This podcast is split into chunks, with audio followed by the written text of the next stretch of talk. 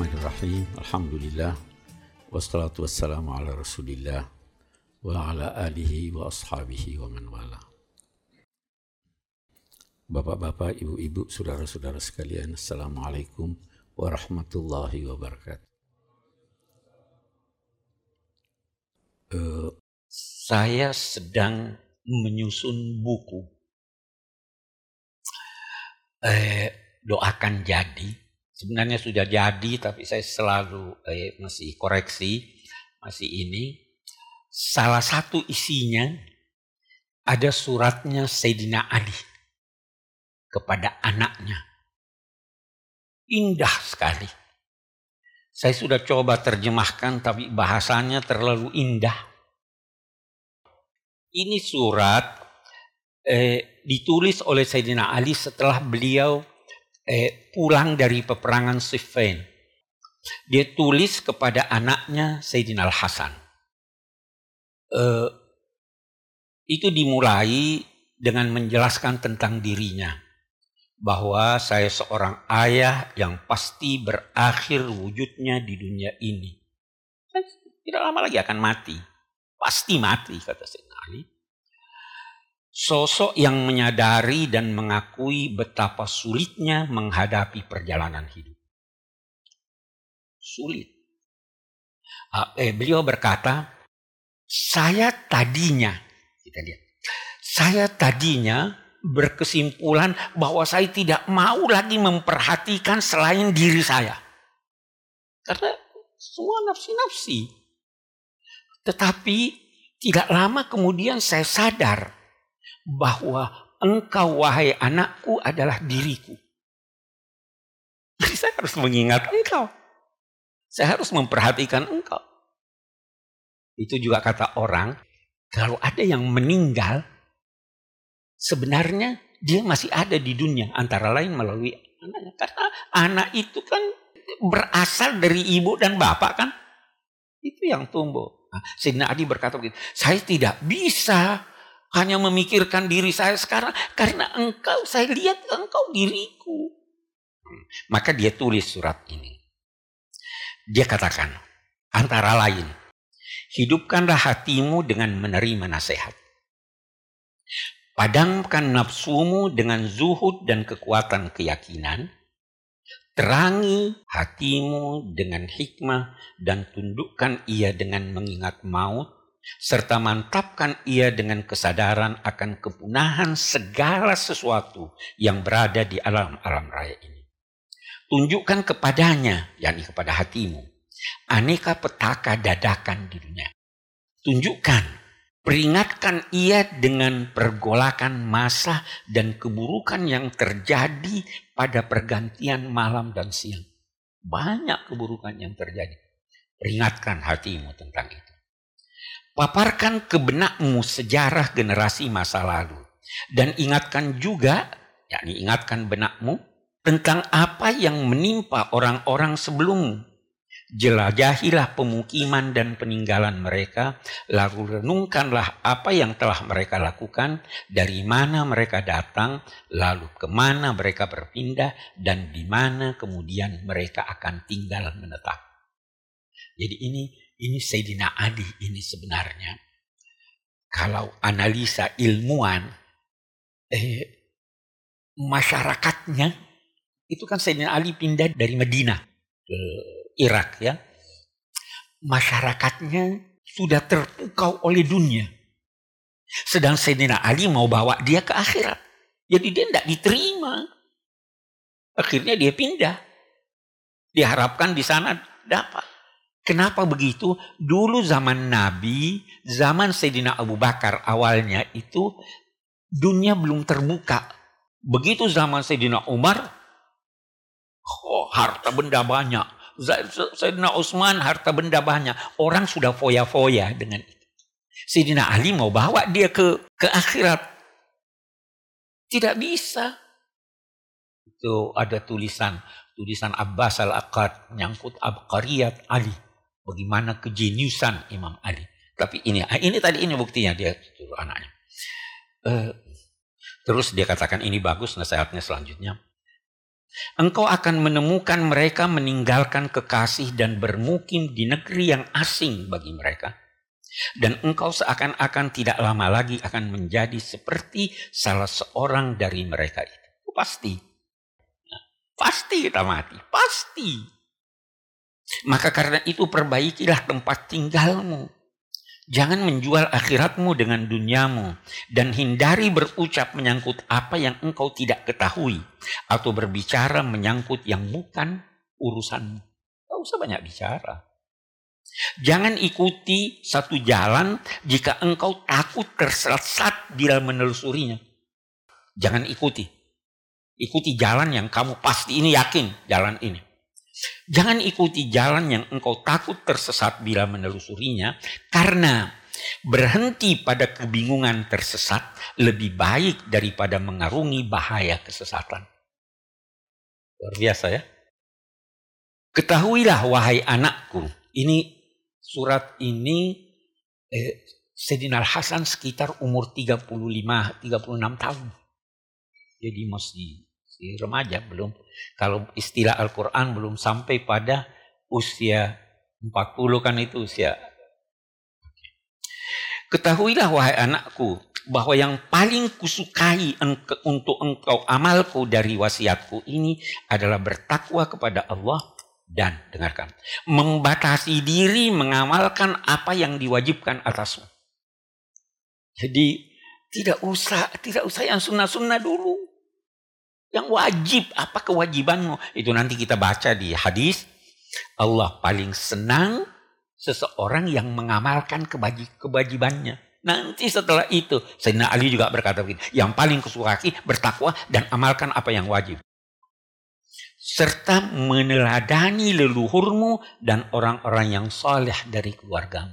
Kalau Sayyidina Ali berkata leluhur, itu leluhurnya Abdul Muttalib. Ya kan? Hashim. Boleh jadi dia teladani dari sikap eh, yang lain, eh, orang tua orang-orang yang sebaya dengan eh, Nabi. Baik, mereka itu tidak mengabaikan renungan tentang diri mereka. Tidak pernah. Sebagaimana engkau berpotensi merenung dan mereka berpikir sebagaimana engkau berpotensi untuk berpikir. Lalu pada akhirnya mereka mengamalkan apa yang mereka ketahui dan mengabaikan untuk memikirkan apa yang tidak dibebankan atas mereka. Tidak usah berpikir, Anda tidak bertugas kok mau berpikir tentang itu. Eh, nah, seandainya, ini lagi bagus sekali dari Sena ini, seandainya jiwamu enggan menerima begitu saja apa yang mereka ketahui jadi kalau kamu, oh ini tidak benar nih, saya tidak mau taklid buta. Ya kan? Jiwamu enggan eh, menerima begitu saja apa yang mereka ketahui. Sebelum engkau mengetahuinya melalui cara mereka tahu, cara mereka tahu, mereka pikirkan, maka hendaklah engkau mempelajarinya dengan tekun dan saksama, tapi bukan untuk tujuan berbantah-bantahan. Hai anakku, Jadikanlah dirimu neraca antara dirimu dengan selainmu. Karena itu sukailah untuk orang lain apa yang engkau sukai buat dirimu. Dan bencilah untuknya apa yang engkau benci. Jangan menganiaya orang lain sebagaimana engkau enggan dianiaya. Dan berbuat baiklah sebagaimana engkau senang diperlakukan dengan baik anggap buruklah apa yang terdapat pada dirimu yang engkau anggap buruk disandang oleh orang lain. Oh ini dia buruk itu. Ada pada dirimu, kamu harus anggap buruk juga. Puaslah dengan apa yang engkau terima dari orang lain. Sebagaimana kepuasanmu memberi untuk orang lain. Jadi kalau mau beri, kamu harus puas. Jangan mengucapkan apa yang engkau tidak ketahui, walau pengetahuanmu sedikit. Ada orang pengetahuannya sedikit, dia takut dikira bodoh, jadi dia ngomong. Jangan ucapkan apa, walaupun pengetahuanmu sedikit. Okay. Jangan juga mengucapkan sesuatu yang engkau tidak senang orang lain mengucapkannya kepadamu.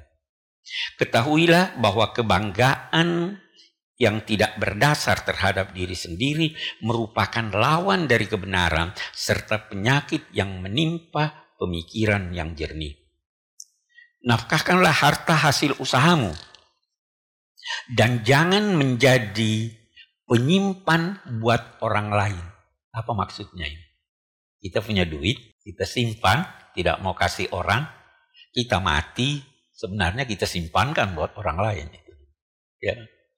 Kemudian, jika engkau telah menerima hidayat menuju kebenaran, maka hendaklah engkau menjadi orang yang paling khusyuk dan patuh kepada Tuhan. Ketahuilah bahwa di hadapanmu ada jalan yang berjarak sangat jauh dan kesulitan yang sangat berat sehingga engkau harus pandai-pandai menempuh jalan dengan benar dan pandai-pandai juga mengukur kadar bekalmu. Jangan terlalu bawa banyak agar engkau sampai ke tujuan. Tapi jangan sampai bekal itu memberatkanmu sehingga mengakibatkan bencana atas dirimu. Apabila engkau mendapati seorang butuh dan bersedia memikul bekanmu menuju hari kiamat untuk kemudian dia menyerahkannya kepadamu, maka sambutlah keinginannya itu. Ada orang pinjam duit sama Anda. Ada orang butuh pada Anda. Kasih dia.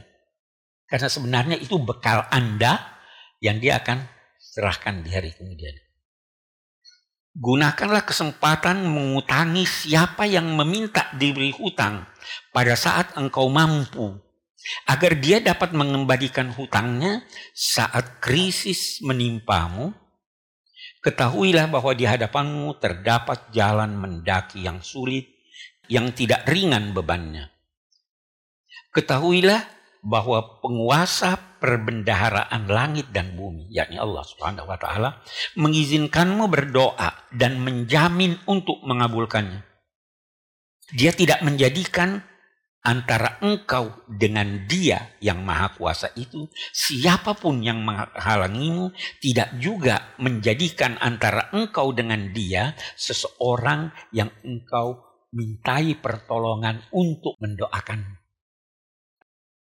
Dia tidak menghalangimu untuk bertobat. Dia tidak mengejek dan mengecanmu jika engkau kembali kepadanya. Dia juga tidak bergegas menjatuhkan siksa sebagaimana dia tidak mempermalukanmu di saat engkau berpotensi untuk dipermalukan. Ini biasa kalau kita lihat banyak loh orang yang korupsi itu kayak belum terbuka ya. Masih diharapkan dia tobat. Saya pernah berkata, orang yang tertangkap itu sebenarnya sudah sekian kali dia melakukan dosa, baru ditangkap. Ya kan?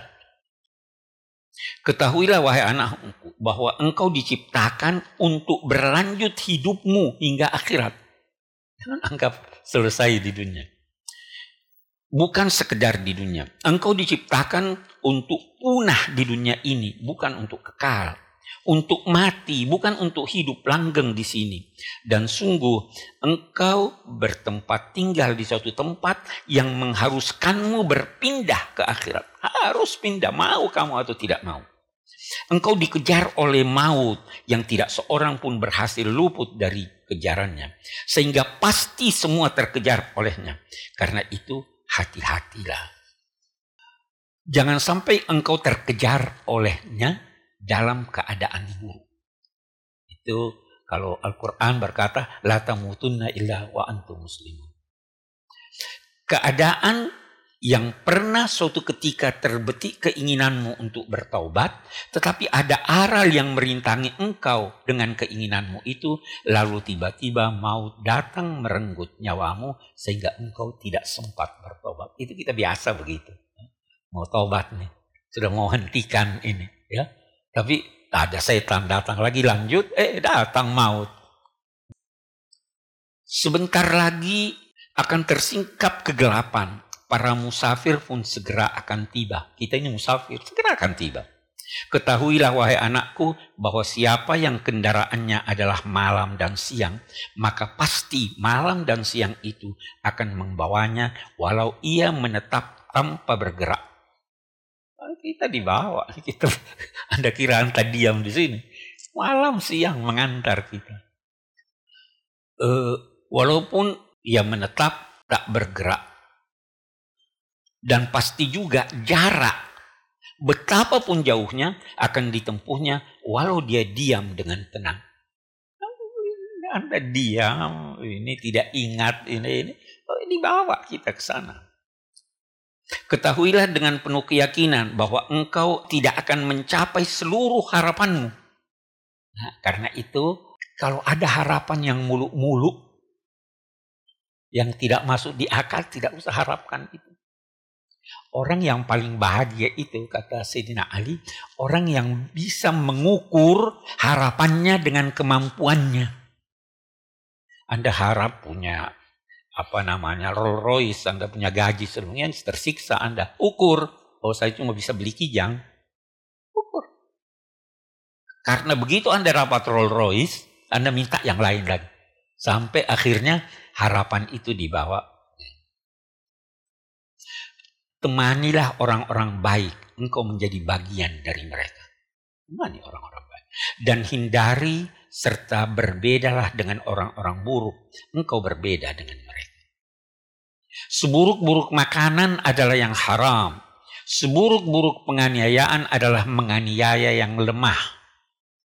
Penggunaan kelemah lembutan jika bukan pada tempatnya menambah kekerasan sedang bersikap tegas pada tempatnya melahirkan kelemah lembutan. Bisa jadi yang dianggap obat adalah penyakit dan yang dianggap penyakit adalah obat. Bisa jadi yang memberi nasihat adalah orang yang tidak wajar memberinya dan bisa jadi juga yang dimintai nasihat justru menjerumuskan. Maksudnya pilih-pilih orang yang kamu mintai nasihat.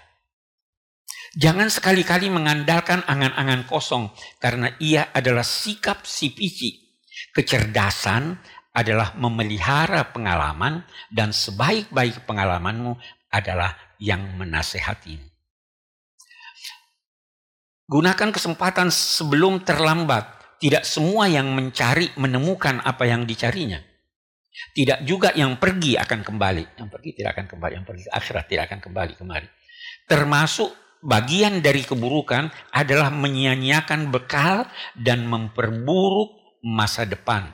Segala sesuatu ada akhirnya dan pasti akan datang menemuimu apa yang telah ditetapkan Allah atasmu.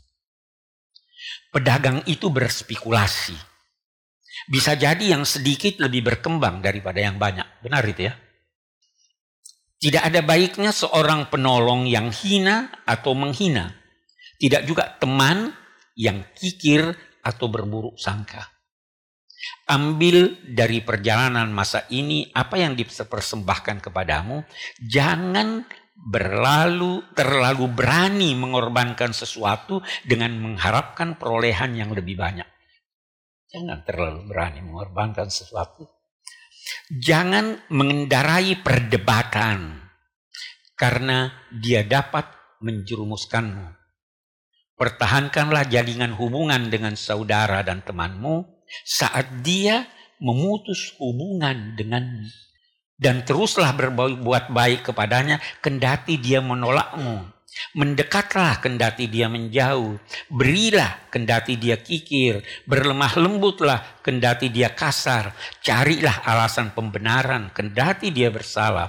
Lakukan itu seakan-akan engkau hambanya. Dan seakan-akan dia adalah pemberi nikmat kepadamu. Tetapi hati-hati, jangan letakkan itu bukan pada tempatnya atau melakukannya bukan pada sosok yang wajar menerimanya. Jangan sekali-kali menjadikan musuh sahabatmu sebagai sahabat. Karena itu berarti engkau memusuhi sahabatmu. Tuluslah menasehati saudara atau temanmu, baik itu bermanfaat untukmu maupun merugikanmu. Pendamlah amarah. Aku tidak pernah melihat sesuatu yang dipendam lebih manis, tidak juga lebih baik dampaknya sebagaimana memendam amarah. Bersikap lemah lembutlah kepada yang kasar kepadamu, niscaya segera dia akan bersikap baik kepadamu. Perlakukanlah musuhmu dengan baik, karena itu adalah kemenangan terbaik dari dua kemenangan. Kalau Anda terhadap musuh bersikap kasar, Anda menang. Tapi Anda kalau bersikap baik kepada musuh, Anda menang. Dan kemenangan di sini lebih baik daripada kemenangan.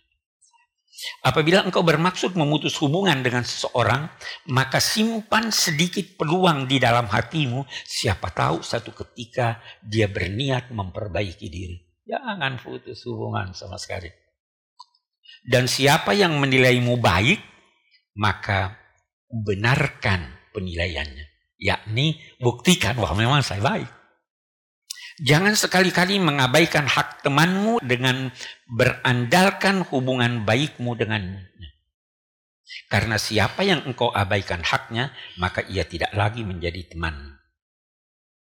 Jangan sampai keluarga menjadi orang yang paling sengsara karena ulahmu. Jangan juga mengharap dari siapa yang tidak menyenangimu. Jangan sekali-kali temanmu lebih kuat tekadnya untuk memutuskan hubungan daripada tekadmu untuk menjalin hubungan baik. Jangan juga dorongan untuk berbuat baik lebih kuat dalam dirimu daripada dorongan berbuat baik orang lain. Jangan memperbesar dalam hatimu kezaliman orang lain terhadap dirimu dengan membalas kezaliman itu. Sesungguhnya sikapnya itu yang menzalimi merugikan dirinya dan menguntungkan kamu. Balasan orang yang berbuat baik bukanlah dengan berbuat jahat kepadanya. Boleh jadi ada yang jauh, tapi dekat, lebih dekat daripada yang dekat. Dan boleh jadi ada yang dekat, tapi lebih jauh daripada yang jauh. Bisa jadi keputusasaan untuk mencapai sesuatu merupakan pencapaian. Anda putus asa itu sudah pencapaian. Itu dulu Sayyidina Abu Bakar pernah eh, eh, ditanya.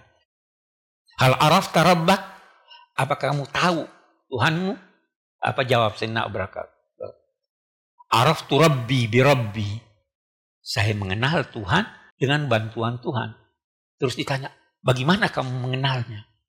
Dia jawab, al-ajzu anil idraki idraku kesadaran akan ketidakmampuan mencapai sesuatu, itulah pencapaian.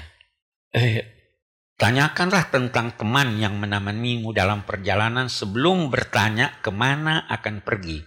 Dan utamakanlah tetangga sebelum rumah kediaman. Hindari mengucapkan sesuatu yang menertawakan. Walau itu bersumber dari orang lain. Nah, ini kan Sina Adi ini ketat sekali ya. Hormatilah keluarga besarmu, karena mereka sayap yang membawamu terbang, dan merekalah asal usulmu yang engkau berakhir pada, pada mereka, dan mereka juga tangan yang engkau gunakan berjuang. Akhirnya, suratnya dia tutup, dia katakan, Aku menitipkan agama dan duniamu kepada Allah. Aku bermohon sebaik-baik ketetapannya untukmu di masa datang yang dekat, maupun masa datang yang jauh di dunia dan di akhirat. Wassalam.